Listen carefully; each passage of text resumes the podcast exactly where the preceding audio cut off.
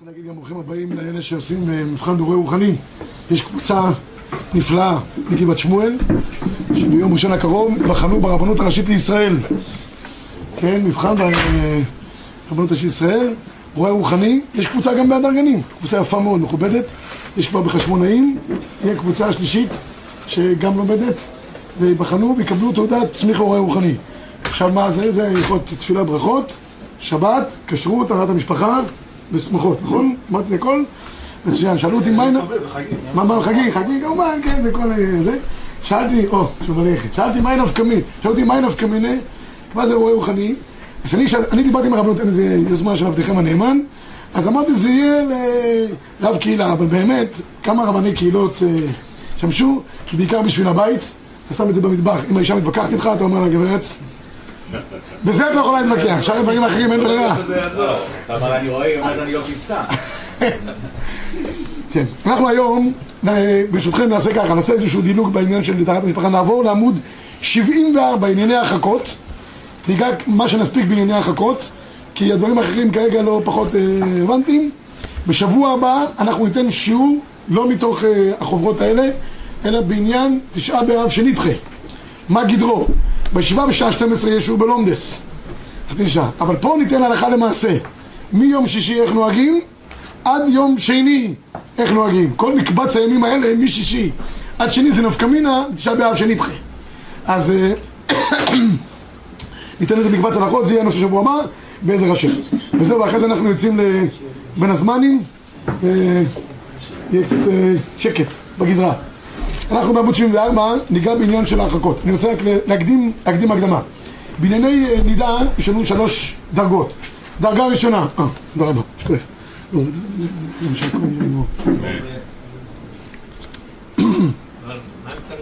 אולי יפתחו המעיינות, לא, זה חמין, זה חמין כמו תה.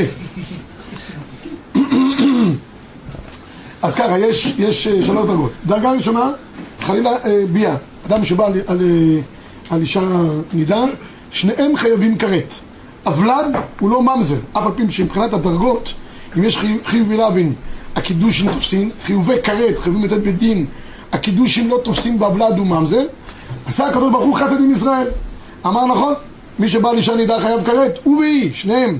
אבל, שני דברים, הקידושין תופסים, לפי רוב שיטות הראשונים, חוץ מהרמב"ם, הקידושין תופסים בנידה, אדם, יש חופת נידה.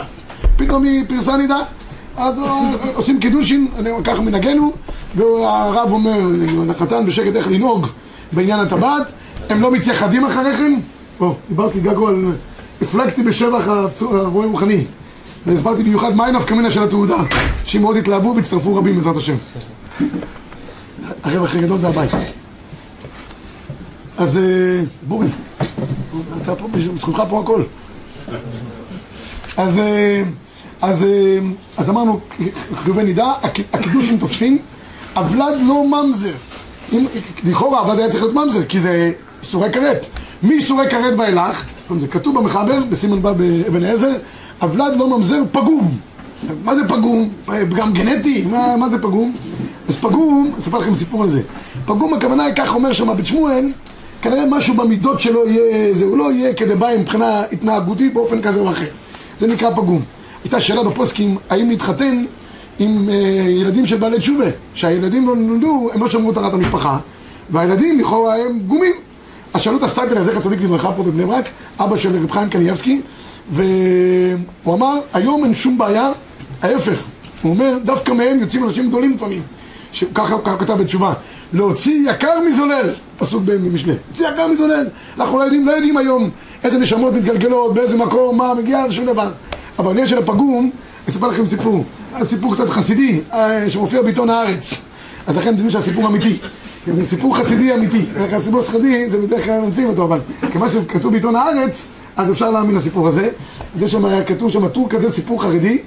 היה, הייתה אישה אחת שומרת טהרת המשפחה, ובעלה לא שמר טהרת המשפחה. בקיצור, הייתה צריכה ללכת לטבול, הגיע מאוחר למקווה, הבלנית כבר אמרה לה, גברת, סגור. אה, התחננה לפניה, יש לי בעיות עם בעלי, שום דבר. טוב, חזרה לביתה, נולד להם בן. הבן הזה, פגעו, יצא פרא אדם, פרא אדם, זה ידו בכל ידו בכל, רצו לגייס אותו לצבא, לא רצו לגייס אותו. הצבא מרוב התיקים הפליליים שהיו לו וכולי. טוב, אז בגיל 20, פה, פרדס כץ, הסיפור היה, לפי הבעל. אז אה, בגיל 20 הוא פרץ לאיזה בית, הזקנה התנגדה, נתן לה מכה, הרג אותה. הגיעו לבית משפט. השופטת קוראת את השם של הזקנה, האמא מתעלפת.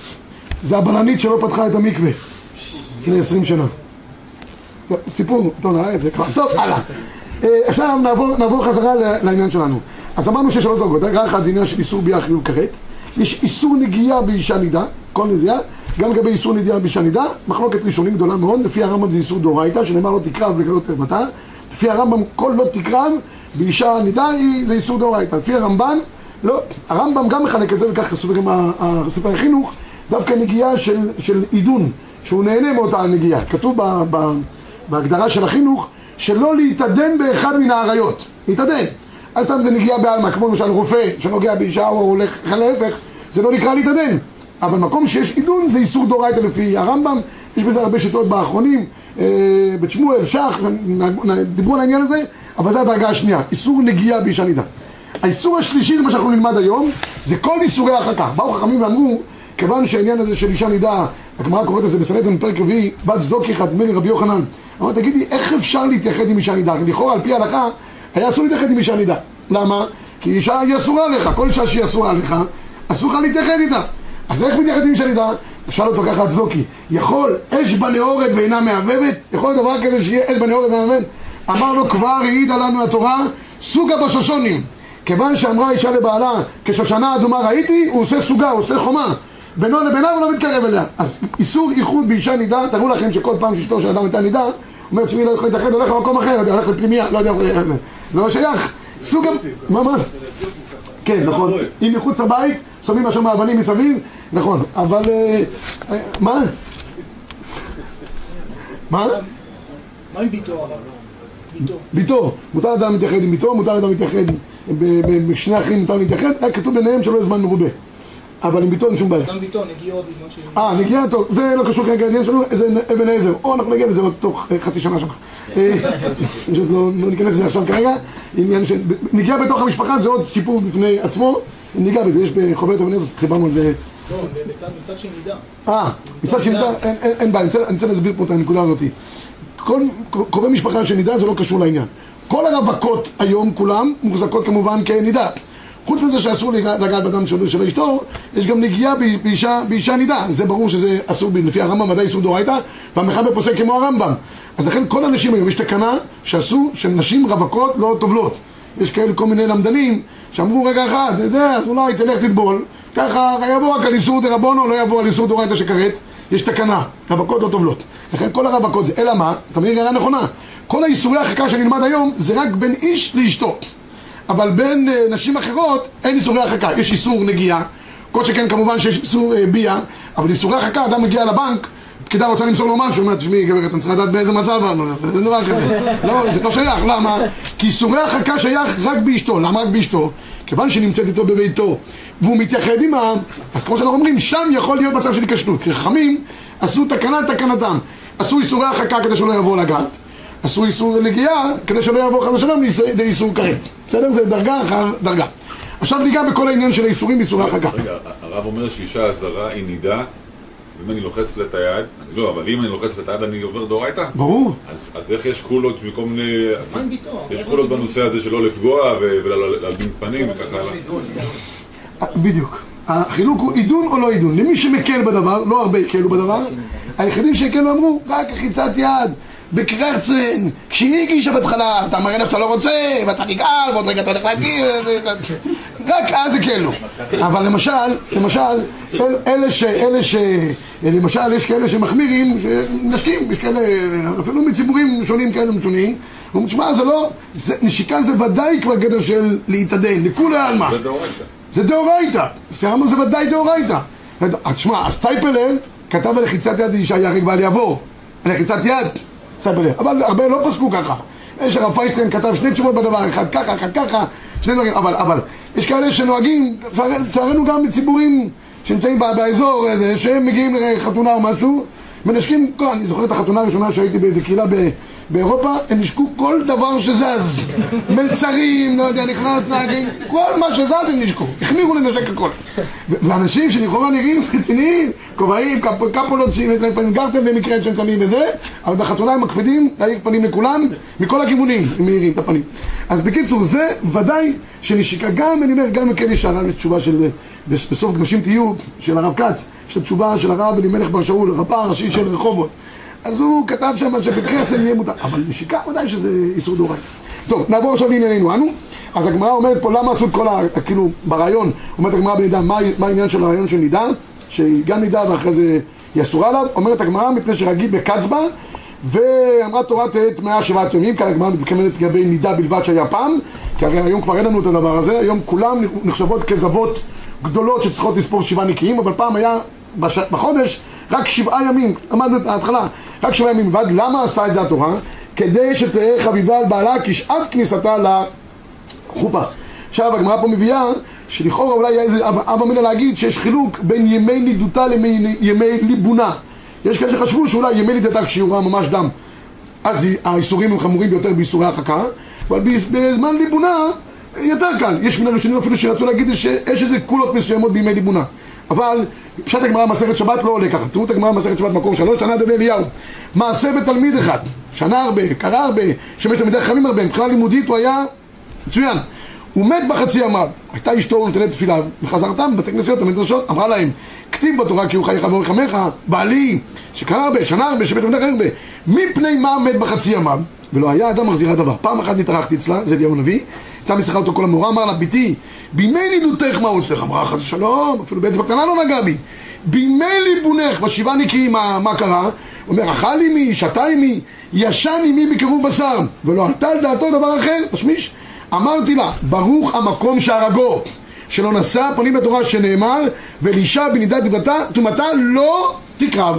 אז בכאן רואים מפורש, אין חילוק בין ימי נידותה לבין ימי ליבונה. כל איסורי הרחקה חלים גם כאן וגם כאן אין הבדל ביניהם. מצוין. טוב, התוספות פה רצה להביא כל מיני חיטים צל שאולי שיהיה הבדלים ביניהם, אבל למעשה אנחנו פוסקים שאין הבדלים ביניהם, ולכן פוסק המחבר במקור חמש, חייב אדם לפרוש מאשתו ובימי טומאתה, עד שתספור ותטבול, ואפילו שעתה זמן ארוך ולא טבלה. תמיד היא בנידתה עד שתטבול. אישה לא עולה מטומאתה, רק על ידי טומאה בלבד. לא שייך ולא ש... לא, לא משנה כמה זמן היה, היה מזמן שהיא ראתה, יכול להיות חצי שנה אפילו, זה לא משנה.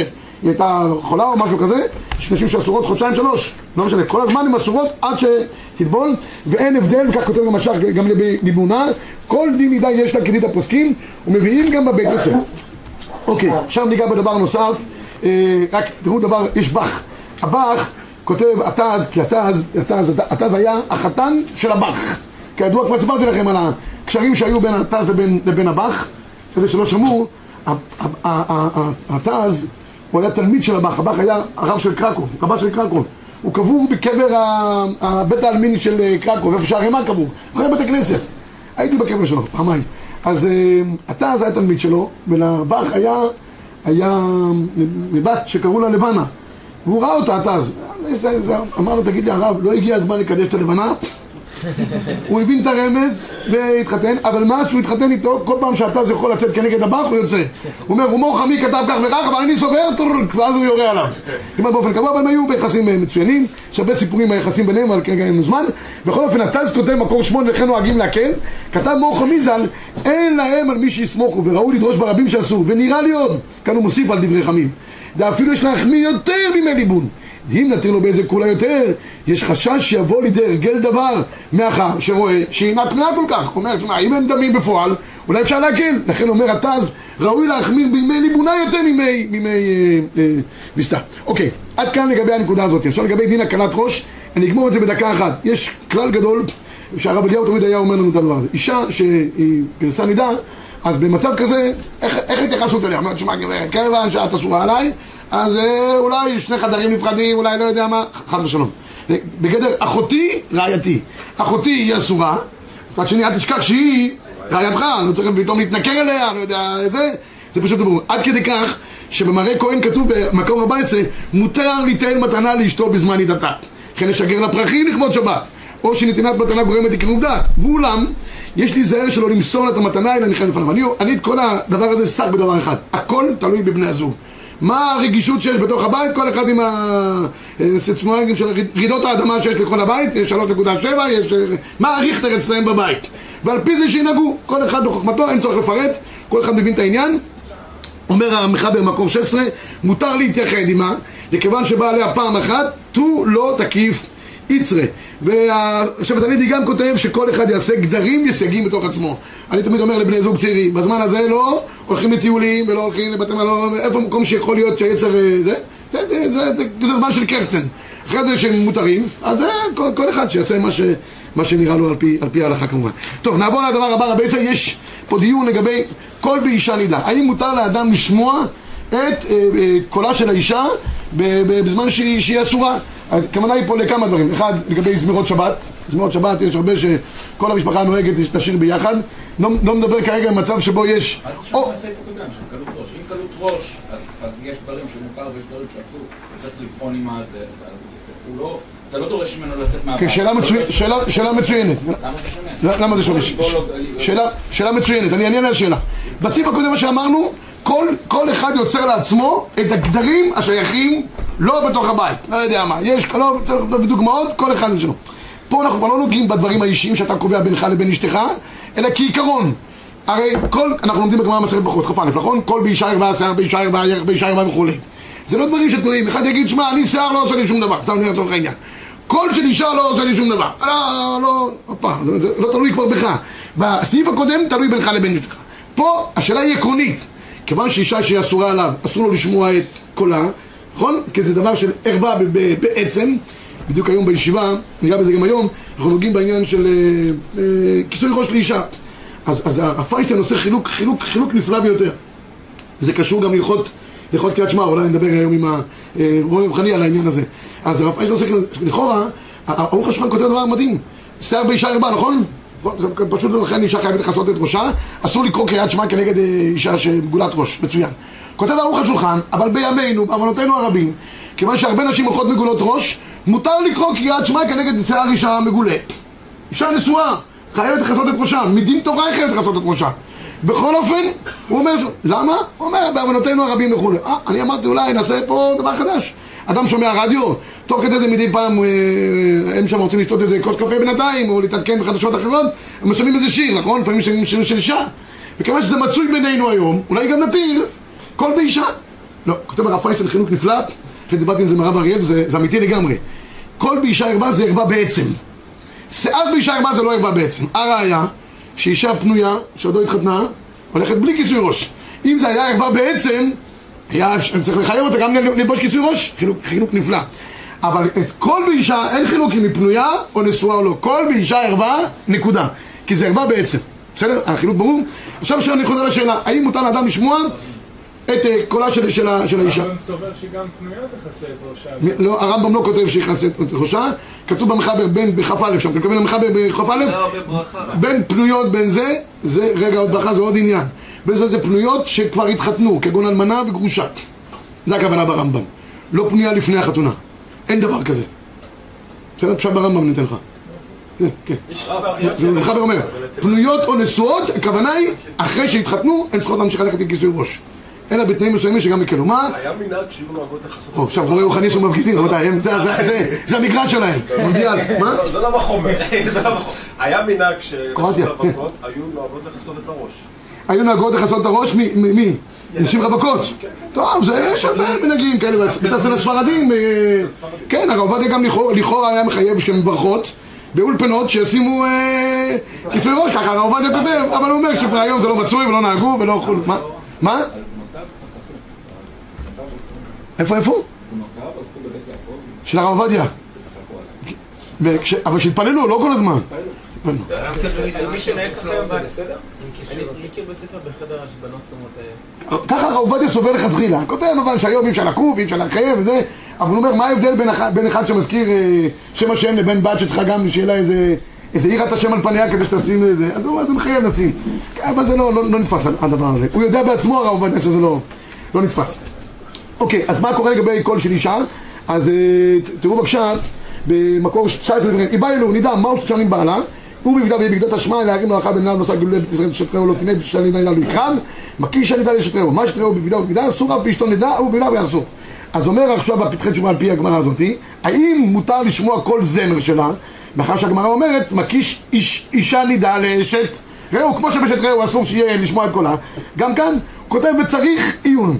הפתחי תשובה לכאורה לא, לא, לא, לא מקבל את זה, נעבור ל-22 לאגרות משה ובדבר כל באשתו נידה אם מותר לשמוע כשזמר, הנה פתחי תשובה נשאר בצריך עיון ולכן מהראוי להחמיר, כך הוא כותב, ש- גם, גם שבט הלוי כותב שראוי להחמיר. הרב עובדיה יוסף, מקור 24 כותב כך, מותר לשמוע כל שיר של אשתו נידה. אז יכול להיות שאלו אותי מה ההבדל שיש בין אישה רגילה לבין אשתו נידה, הרי שניהם אסורות. הרב עובדיה אומר סברה שהגמרא הולכת איתה במסכת כתובות כמה פעמים, הרב עובדיה משתמש איתה בצורה נפלאה. אישה נידה, סופה שתהיה מותרת. כל דבר שסופו שיהיה מותר, זה נקרא פיתו בסלו, אדם יותר רגוע. מה שאסור עליו לגמרי, על זה נאמר מים גנובים נתקו. ולכן אומר הרב עובדיה, בכל אישה, ולכן הרב עובדיה אומר, אם אשתו נידה שאר הזמירות שבת, שתשאיר, אין בעיה. אם היא רוצה להרדים את הילד, בסוף גם הוא נרדם תוך כדי, שתרדים את שניהם, גם, גם בסדר. זוג מאורס גם יתירו? לא, חס ושלום. היום, היום זוג מאורס הוא, הוא, הוא זוג שהוא מבחינת ההלכה זה, זה הזמן הכי חמור שיכול להיות והם אסורים כמו כל אישה נידה אין היום קטע של אירוסין דרך אגב המושג הזה היום זה רק מתחת לחופה עושים גם קידושים וגם נישואים לפני כן זה שום דבר שכן עושים את הברכות, לא? מי עושה את הברכות? חסידים שעושים ברכות. פתאום חסידים דתיים, מה פתאום? אף אחד, אף אחד לא עושה ברכות לפני כן, עושים אה, שבירה של הצלחת על הראש של, השוויגריות, או, או כל מיני דברים, שוברים, עושים, זה, זה, זה, אבל לא עושים שום דבר לפני כן, אז ושלום. הרב עובדיה? יוסף, בזמירות שבת, הבנות לא, רק האישה. למה? כי הן אף פעם לא יהיו מותרות לו. אבל בתוך המשפוך אה, הרבה מקלים. אז זה לא בגלל זה ש... לא בגלל זה, זה הספירה כלפי אשתו.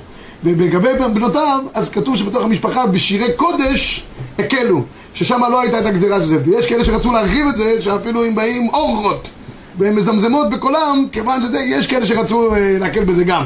אבל בנותיו ודאי ש... גם בנותיו, מבחינת היצר, אין לו בכלל יצר כלפיהם, לכן מותר להתייחד עם בנותיו וכולי, יש, בסדר? קרובים, אין גדר, לכן הייחוד יותר קל. כי אדם מותר לו להתייחד עם בנותיו. רק שישירו, הם בורחים מהשולחן. תנעץ אותם. ב- הרב אליהו, לעומת הרב עובדיה... סיפור ידוע, חזוני שהיה אחרי המלחמה, שואה, בית אבות. אז היו שם בנות שרו. אז בא אליו מישהו, איזה שופט, ואמר, בנות שונות, בנות שהיו פליטי שואה. כן. אז חזוני שמע, הן כבר שרות. כבר שבת? כן. כן, בכלל, יש, יש. הגדולים יש להם התייחסות אחרת לגמרי. כי הגדולים, אני בדיוק סיפרתי בישיבה, אני לא יודע בישיבה היה פה השבוע שאלה, אז סיפרתי שהרב כהנמן הגיעה איזו אישה לא הכי צנועה לפונוביץ' לתרום. וישב איתה בחדר אוכל, אתה יודע, היו עושים כזה תמיד שולחן שמגיע איזה תורם, שולחן, ויושב איתה. באו לבחור, אמרו אחרי זה לאישה, אמרו לה, הרב, איך אתה יושב עם ככה? אומר, היא הייתה לא צנועה? לא ראיתי. איך שמתם לב? ואתה אומר בית אבות, אני חייב להגיד איזה מילה, השבוע היה מישהו. בתי אבות של הילדים. אה, אה, לא בתי אה, בתי יתומים. יתי יתומים, יתומים, כן, כן, הייתה גברת, מונק אחת שהייתה, כן, כן, נכון. אז אני רק חשבתי, חשבתי, אמרת על בתי אבות, אני כן אספר על זה, שאחד, אחד אה, בן 60 הגיע לרב, התחיל, התחיל בוכה. אומר לו, מה אתה בוכה? הכל בסדר, המשפוחי כן, הפרנוסי כן. אז אומר לו, הגעתי לגיל 60, הוא אומר, ברוך השם, הגעתי 60 זה מצוין, יש לך עוד 60 שנה? מה, מה, מה אתה בלחץ? רק באמצע. וכתוב במשנה, בין 60 לזקנה. וזקנה ביידיש זה זיפט קרצן נרבן ארן, לא יודע, או הרינג, לא יודע מה. בקיצור, כל הבעיות בעולם, אני מפחד שזה יקרה לי. הרב חושב שנייה, אומר, זה לא נוגע אליך. אומר למה? הוא אומר, תראה, כתוב בין 40 לבינה, קיבלת את זה? תהיה רגוע. בכל אופן, בכל אופן, הרב אליהו חולק על הרב עובדיה בנקודה הזאתי. ב-25 כותב הרב אליהו שכל באישה ערווה, כתוב קולך ערב ומעריך נווה. ולכן אין לבעל לשמוע כל זמר של אשתו בזמן מיתתה כשהאישה שרה לתינוק שיר ארץ להשקיטו על אדימו אין דרך אחרת להשקיטו אלא בכך. יכול בעלה לשמוע קולה אם אין לו מקום אחר ללכת שם. אך אין לו ללמוד תורה בשומעו את קולה. עד כדי כך הרב אליהו ממש מחמיר בדבר הזה אלא לערער בלבד. טוב, בכל אופן מי שרוצה להקל כדעת הרב עובדיה יוסף יש לו כמובן על מי, על מי לסמוך. עכשיו ניגע בדבר נוסף לעניין של נגיעה ורשתת חפצים, פה אני צריך להגיד משהו שנקרא טקט הלכתי, זה מסר חשוב הדבר הזה. באופן עקרוני, הטענת רבי אליהו מוסיף על הגמרא בשבת בדף י"ג שראינו קודם, והוא כותב ב-26, אחרי שהוא, אליהו פגש אותה אישה, יש הוספה פה, מה ההוספה? הבאת לו את הסכין, אתם רואים מקובל, שבידך, ונגע בו אפילו באצבע קטנה, אמרה לו, רבי, חיי ראשך, רחצתי את רגליו, שמר, ישבתי עמו מתה אחת, אני בגדי ובגדיו, ולא יצטרך אותו לדבר אחר. אומר המחבר, לא ייגע בה אפילו באצבע קטנה. והפתחי תשובה כותב, בשם התשבץ, דליגע בבגדיה בעודה לבושה יש יתרחק. לא רק לגעת בבשרה אסור, אלא אפילו לגעת בבגדיה יהיה, יהיה אסור. ורש"י, רש"י חשוב שמופיע בתוספות שם בשבת, באותה סוגיה שם בי"ג, הוא רש"י אומר, היה נוהג איסור להושיט מפתח מידו לידה בימי עדותה. אוקיי, אז עד כאן משמע לכאורה, שבאמת הדבר הזה של הושטה מיד ליד יהיה אסור, כך כותב המחבר גם במקום 32, ולא יושיט מידו לידה שום דבר ולא יקבל מידע, שמא ייגע בבשרה. והשאר כותב אפילו שהדבר הוא ארוך, גם לא. עכשיו, אבל בכל אופן, יש מצב, שב, יש מצבים, מה שנקרא, אני קורא לזה מצבי מבוכה, מצבי מבוכה. בכלל אני אומר לכל בני זוג, לא צריכים שכל בני המשפחה ידעו תמיד מתי מותרים ומתי הם אסורים. אז לעולם שלא ימסרו אחד לשני יין בשולחן או דברים אחרים, בכלל גם מפני דרכי הצניעות ראוי שבפני אנשים אחרים, אנשים לא צריכים לדעת מתי הם מותרים ואז אה, יש שם מגפף ומנשק ומתי שהם אסורים, צריך, בעניינים האלה צריכים צניעות יתרה, במיוחד היום בדור שלנו, שהוא דור גם ככה ממילא שיש בו בעיות רבות. אבל מה, לפעמים יש מצבי מבוכה אני קורא, מה זה מצבי מבוכה? נמצאים זוג ליד תחנה, תחנת אוטובוס באמצע הרחוב. אני פשוט ראיתי את זה בציור הזה. הילד צריך לעבור, ילד בוכה, צריך לעבור, הוא נרגע דווקא אצל האבא. בדרך כלל הילדים נרגעים דווקא אצל האבא. הוא רוצה לעבור מיד האישה, ליד, היא אסורה. מותר לו להעביר אותו מיד ליד, לכאורה, יהיה כאן מצב סיטואציה הזה. אז בעיקרון, כתוב שלכאורה, אה, אולי יהיה אסור. בא תשבץ ואומר, שיהיה מותר, למה? כיוון שהתינוק חי נושא את עצמו. כך גם כותב ב-36 טהרת הבית. יש אומרים שמותר ליטול לתינוק בידו של אשתה נידה, משום נושא את עצמו, והיא אינה עושה כלום, אלא התינוק יוצא מעצמו. זה נקרא מושג חי את עצמו גם בשבת, בהלכות עירובין, זה שייך לדבר הזה, מקום שאין עירוב. הוא בא, הנה תראו, הוא יוצא מעצמו מחק אמו, הוא בא לחק אביו. יש חולקים והמחמיר תבוא על הברכה. השבט הלוי כותב שיש להחמיר, לא לקחת תינוק מיד ליד, אפילו גדול היוצא מעצמו. הדרכי טהרה גם מתיר את העניין הזה, הרב, הרב אליהו. עכשיו מה שקורה, אבל אני אומר, מה קורה למשל, התינוק לא רוצה לעבור משהו, וצריך לקחת אותו ככה יותר, זה בדרך כלל חי נושא את עצמו, הכוונה היא שהוא בא לקראת, אבל אם הוא נאחז, ופה צריך טקט הלכתי, אם יש מצב שבו, יש מצב שהם נזהרים לא לקחת אחד בשני, לא צריך להניח את התינוק על המדרכה, זה מה שאני רוצה להגיד, במילים אחרות פשוטות. יש כאלה, אה, שמים אותו על המדרכה, לא יודע איפה שמים אותו, קצת, אה, אם, אם רואים שיש יש, אה, אה, זהירות יתרה על מנת לא לגעת, הרי זה, זה איסור דה רבנן שיש פה אה, איסור, קצת, כבוד הבריות אני הולך לקרוא לדבר הזה. מאיפה אני לוקח את הדבר הזה? תראו בבקשה, שאלה מעניינת שיש פה, שהבאנו לגבי אם יש עגלה. עגלה שצריכים לקחת אותה, גם בעגלה לכאורה, אי אפשר לקחת, כי הרש"ח אמר אפילו דבר ארוך, גם לא מוסרים ידו לידה. ובכל אופן, תראו בבקשה, ב-42 הרב פיינשטיין. הרב פיינשטיין כותב, להרים עם אשתו נידה מסוי כבד או ידחוף מיטה ושאר דברים כלים, אף שאין על זה ראיה ברורה, משהו שראוי להחמיר. הוא מסע קהל שאינו צריך לסיוע, אולי יותר חמור. ניכר קצת שהוא לחיבה, אבל, כותב הרב עובדיה ב-43, וגם הציצי אליעזר, מכל מקום, בעל ואישה שדירתם בקומה גבוהה, ואי אפשר לחמם להוריד את עגלת התינוק לבדו לכל העיר בלי סיוע משני. מותר להם להוריד את העגלה ביחד, באופן שיזהרו שלא לקחת אחד בשני. כך גם כותב הציצי אליעזר. בואו את אחד אחד, אף פי שלא מיד רק נסיעה בלבד, רגע. הרב ווזנר אסר, הציץ אליעזר התיר. הרב ווזנר אומר, לא, יהיה אסור בשום אופן. אבל, רגע, אני רוצה להביא לכם ראייה שבדבר כזה, או, הנה, מצאתי. ב-52 רבי ישראל, זה חיפשתי. אם הראה ושכח הבעל והושיט חפץ לאישה בפני רבים, רבים, אינה חייבת לומר לו, אני נידע. למה? גדול כבוד הבריות שדוחה לא תעשה שבת תורה. זה שאמרתי. זה אפילו לא תעשה שבת תורה, זה איסורי החכה שיסודם מדרבנן. אז כבוד הבריות שיש פה לפני כל הציבור, אלא תקבלנו במורת רוח ובזהירות מרובה, שלא ננגוע בה ויניח או יזרוק את החפץ לתוך ידה, לא תיקח עם ידו את החפץ שאז גדול החשש והנגיעה, וכן אם הראה שכחה אישה והושיטה לבעלה חפץ. לא יאמר לה לפני כולם, את נידה. זה לא צורה, יש, יש גם דרך איך להתנהג. אני קורא לזה טקט הלכתי. אדם צריך, חוץ משיטת ההלכה, שיהיה לו גם קצת, מה שנקרא, שכל בראשו. מה? כן, שיהיה לו קצת דרך התנהגות. וכן אם יראה... וכן אם יראה, אלא יקבלנו כעסקה לאל מורת רוח, ולא יקחנו בידה, אלא תניח, היא תזרוק את החפץ. בקיצור, זה מה שרציתי להגיד פה, העניין הזה שבו יהיה איזה ש... יש כללים הלכתיים, אסור למסור מידו לידה, זה פשוט. במקומות כאלה שיש עגלה שאי אפשר להוריד אחרת, אז מה יגיד לאשתו? תתגלגלי עם העגלה למטה בכל המדרגות? או זה? קיצור, הבנתי. עכשיו יש דבר נוסף, אחרון שניגע בו היום, זה עניין של הרחקה בזמן הסעודה. זמן הסעודה הוא תמיד זמן רגיש יותר. יש, יש כמה, כמה מוקדים רגישים בבית. אה, חדר...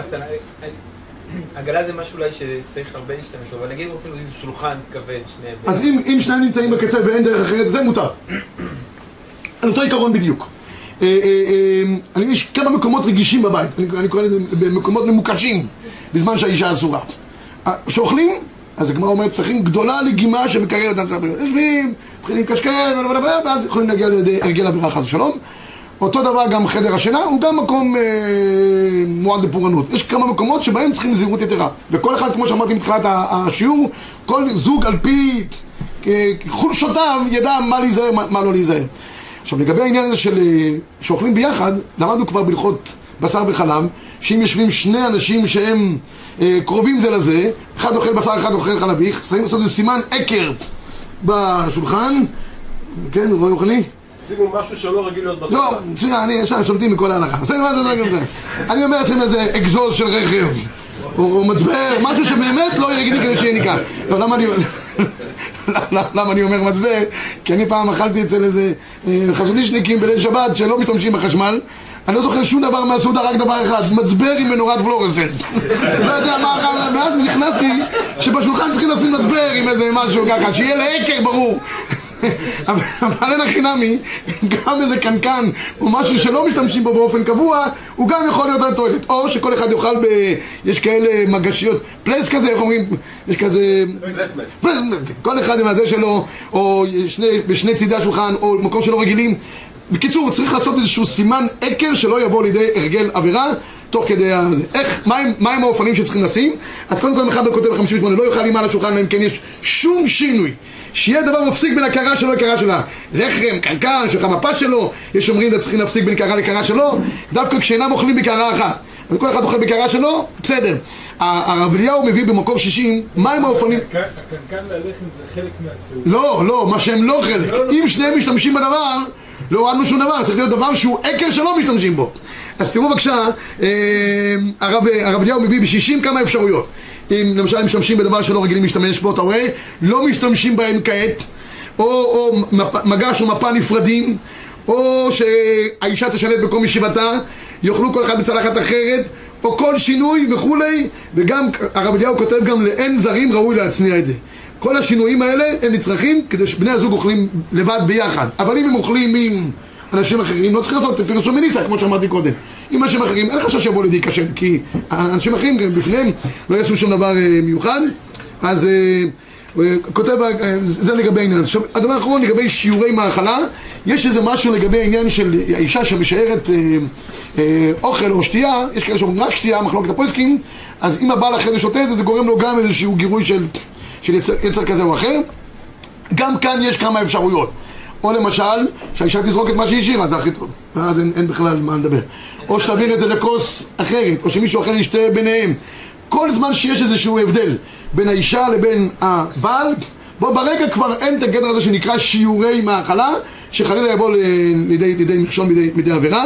יש כאלה שאומרים גם, כמו שאמרתי, לגבי עניין של האכילה, בוא, נסגור בדבר הזה, במקור 71 תחת הבית, יש אומרים שהוא הדין באכילה, שלא יאכל משיעורי מאכל של אשתו. וכן המנהג אצל האשכנזים, יש מתירים, וכן דעת מרן, וכן נוהגים, אצל הספרדים בעיקר הדבר המומנטי זה שתייה. זה לא שתייה, שתייה, שתייה. אז, אז לכן יש שיעורי שתייה. אצל האשכנזים, בין שיעורי אכילה, בין שיעורי שתייה. ויש פה דבר מעניין שאומר שבט הלוי, מה קורה אם יש מצב שבו ביום שישי אדם, האישה תואמת מהתבשיל. באמת, יש, צריכים לטעום ביום שישי. תואמי החיים זכו. וגם הבעל תואם, תואם. אז מה עכשיו, אם היא טעמה, כל התבשיל כבר לא יכול לאכול יותר מהצ'ונט? אז כן, יש לו צ'ונט כזה, זה, זה לא נקרא. הכוונה היא שהיא אוכלת ממש. טעימה היא לא נקראת גדר של אכילה, ולכן באמת תואמיה חיים זכו. זו ההזדמנות שוב פעם לאחל בהצלחה רבה בעזרת השם. לפרויקט רואה רוחני בראשות רב גגו שמוסר את נפשו לעניין הוא מתעסק בבנייה אבל בעיקר הוא בונה בניינו של עולם תלמידי חכמים שלהם בהצלחה מרובה בעזרת השם חבת השם בידם יצליח צפחה טבע שבת שלום כהן כהן